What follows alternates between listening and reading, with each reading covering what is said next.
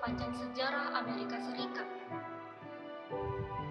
Pada usianya yang ke-33 tahun, dia sudah mendapatkan satu juta dolar yang pertama, sekitar tahun 1800-an. Pada usianya yang ke-43, dia menguasai perusahaan terbesar di dunia. Pada usianya yang ke-53 tahun,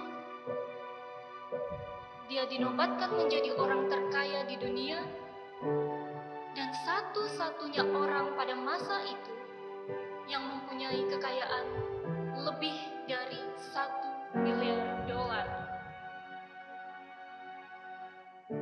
Tentu banyak orang berpikir bahwa dengan kekayaan seperti itu, dia mudah saja menghambur-hamburkan uangnya untuk mendapatkan kesenangan.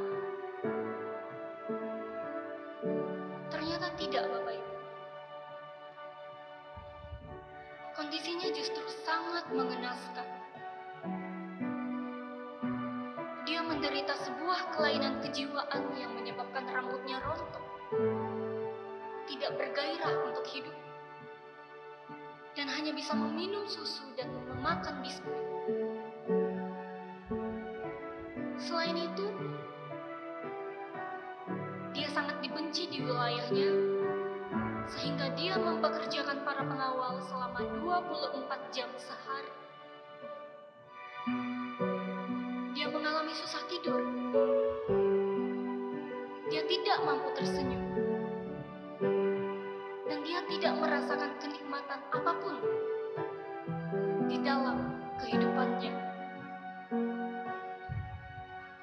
Suatu kali dokter memprediksi bahwa hidupnya tidak akan sampai tahun depan. Koran-koran pun sudah mempersiapkan tulisan untuk menyambut kematiannya. Di dalam masa seperti itu,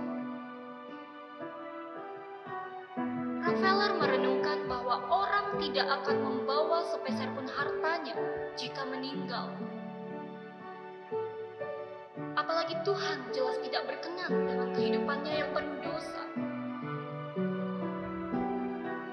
Akhirnya ia bertobat dan mengaku percaya kepada Kristus. Sejak saat itu, hidupnya berubah.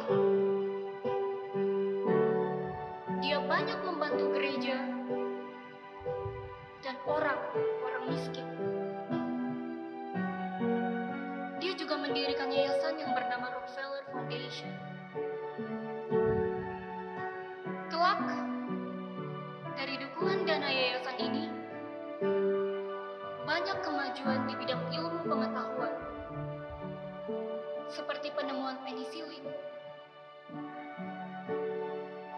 Rockefeller pun bisa kembali menikmati hidupnya. Dan prediksi dokter yang mengatakan bahwa usianya hanya sampai tahun depan ternyata keliru. Dia bisa menjalani hidupnya hingga usianya mencapai 98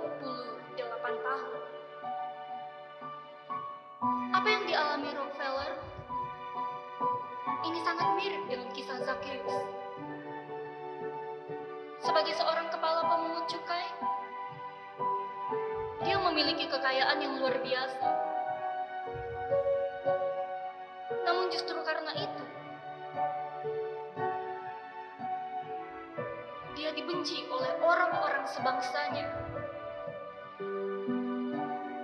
Jelas, karena para pemungut cukai merupakan orang-orang Yahudi berkhianat menjadi antek-antek Romawi untuk memungut pajak dengan semena-mena kepada orang-orang sebangsanya. Walaupun bisa saja hidup berlimpah, tetapi Zacchaeus memiliki kekosongan dalam hatinya. Itulah yang menyebabkan dia berusaha bertemu dengan Tuhan Yesus. Betapa senang hati Zakheus ketika akhirnya dia dapat berjumpa dengan Tuhan Yesus. Tetapi yang lebih mengejutkan, Tuhan Yesus ternyata berkenan untuk menumpang di rumahnya. Bayangkan, ketika orang-orang sekitarnya menjauhinya, Tuhan Yesus sendiri, tokoh agama yang sedang naik daun pada saat itu, justru ingin menumpang di rumahnya. Itulah yang menyebabkan Zakheus rela kehilangan setengah hartanya dan berjanji untuk mengembalikan uang yang pernah ia peras sebanyak empat kali lipat.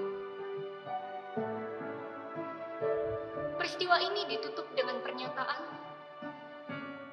Tuhan Yesus bahwa Zakheus dan seisi rumahnya menerima anugerah keselamatan. Bagaimana sikap kita sewaktu menjadi anak Tuhan? Apakah kita mengalami perubahan pola pikir seperti Zakheus? Kepada Tuhan Yesus bukan sekedar mengaku di mulut saja dan merasakan luapan emosi sukacita sesaat.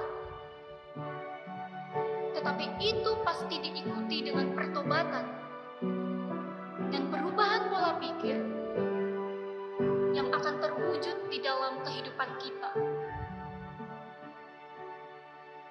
Roh Kudus yang berdiam di dalam diri kita pasti akan menghasilkan buah roh. Oleh sebab itu, melayani Tuhan dan menjadi berkat bagi sesama bukanlah sebuah paksaan. Tetapi hal itu otomatis akan memancar dari diri kita. Ketika kita telah merasakan anugerah dari Tuhan. Jadi, jika kita masih merasa takut rugi karena Tuhan, sebenarnya kita belum betul-betul memahami betapa besar anugerah Tuhan yang telah kita terima. Kemudian, sebagaimana Allah aktif menjangkau orang-orang yang terhilang, kita pun hendaknya demikian. Jangan menganggap